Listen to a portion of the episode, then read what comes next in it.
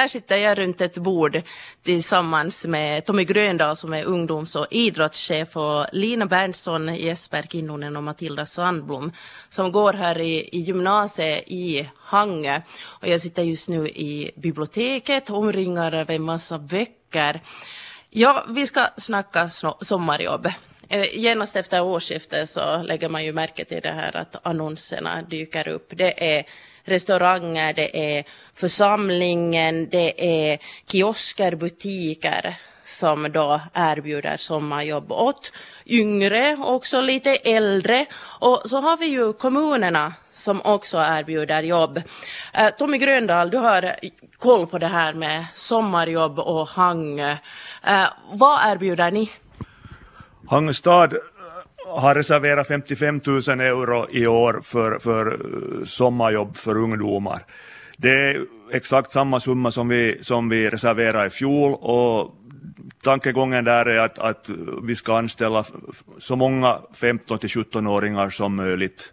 Om vi inte är den största så är vi åtminstone en av de största arbetsgivarna i staden och, och vi har haft de senaste åren cirka 150 till 170 ansökningar varje år, av vilka då knappt en tredjedel av, av ungdomarna har chans att få jobb inom, inom staden. Gäller det också i år då?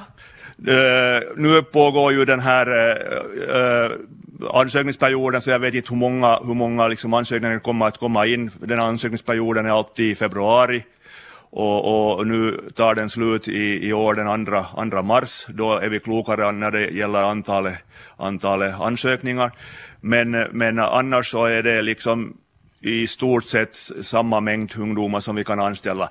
Har, vi har ju, I och med att vi vill anställa så många som möjligt så har vi gått in för att vi, vi anställer då för, för ungefär två veckor en, en ungdom då till olika enheter. Men sen finns det liksom behov i olika enheter för lite längre längre uh, arbetsförhållanden. Till exempel parkavdelningen önskar i år att, att de kan anställa alla sina ungdomar för åtminstone tre veckor, vilket innebär då att, att uh, det blir lite färre ungdomar som, som anställs i år mm. på grund av att, att summan är densamma som är reserverad som i, i fjol. Och det är personalchefen som, som reserverar och budgeterar den här summan. Och, och, men det här betyder, när jag sa att 15 till 17-åringar så betyder det ju inte att Hangestad inte eh, anställer och kan anställa eh, även äldre ungdomar, alltså 18-åringar och uppåt, men då går det från enheternas egna budgeterade medel. Att då är det enhetscheferna själva som tar, som tar liksom initiativ och, och, och, ser över sina behov och, och, och det här att även, även äldre anställs inom Hangestad. Hur är det då, du nämnde parkavdelningen här, men, men vad får, får de göra de här ungdomarna? Uh, uh, jag kan räkna upp de här, de här eh, enheterna och, och, och branscherna dit vi anställer ungdomar. Att parksidan är ju överlägset den mest populära. Jag kan säga att till exempel i fjol så av cirka 160 ansökningar så var 94 ansökningar till parksidan. Så det, det är absolut den, den, den populäraste har alltid varit, så länge jag har åtminstone suttit här på, eller varit inom Hangestad. Sen tas det till städningen, biblioteket, eh, museet, kulturbyrån, fastighetsservice, eh, centralköket, eh, simövervakare till, till hopptornet i Lillmärsan, och sen eh, när det gäller min egen eh, rotel så, så, så anställer vi lek, två lekledare till simskolorna och, och tre idrottsplatsskötare till, till, till Hangete Sportcenter. Mm. Det här är ju varierande arbetsuppgifter. Det här sa alltså Tommy Gröndahl som är ungdoms och idrottschef. Men om jag vänder mig här till de här lite yngre, eh, Linda Jesper och Matilda. Har ni någon gång sökt de här, alltså stadens jobb? Uh, nej, jag har faktiskt inte varit på stan på så, så man jobbar. Har någon av er andra? Nej, jag har faktiskt inte heller sökt dit. Nej. Just det, det råkar sig så. Men ni har haft eh, sommarjobb i alla fall. Vad, vad har ni gjort? Uh, för ungefär tre år sedan när jag var 14 år så då jobbade jag hos min pappa för han hade en däckfirma och där så tvättade jag däck en sommar. Och sen de här två senaste somrarna så har jag jobbat på café du, du började redan när du var 14 år. Hur är det med Matilda? Jo, jag började också jobba när jag var 14 och då började jag i en butik här i Hangö. Och Jesper? Uh, ja, jag började också när jag var 14 år och jag jobbade då på en sån här måleri och träaffär och jag har kanske gjort så mycket liksom, så, så som man gör på affären, liksom, att man säljer sånt, jag har mera städa och liksom städa upp olika platser och hjälpt andra uh, sådär, som försöker komma och uh, köpa sådana där uh, produkter. Mm. Hur har ni fått era jobb då? Hur, hur har ni gått tillväga? Nå, till det här kaféet så det började med att jag får dit till just kafé och presenterade mig själv och visade mig. Och då pratade vi där en liten stund och så fick jag en e-mailadress dit jag skulle skicka en skriftlig ansökan. Och sen väntade jag bara på svar. Vad skulle du, Matilda, säga att är det här ultimata tipset för den som, som vill ha sommarjobb? Hur, hur har du fått ditt? Eh, uh, no, jag fick mitt genom min mamma som jobbar där också. Men jag skulle säga att kanske just gå till själva arbetsplatsen och visa dig själv och visa hurdan du är. Och sen får du säkert någon, någon blankett som du ska fylla i och gör, då gör du det. Mm. Nu är vi ju i Hangö och Hangö är ju en sommarstad och här finns en massa restauranger och kaféer, en massa verksamhet på sommaren. Är det så när ni tänker på era kompisar, har folk, alltså ungdomar i allmänhet, sommarjobb skulle ni säga?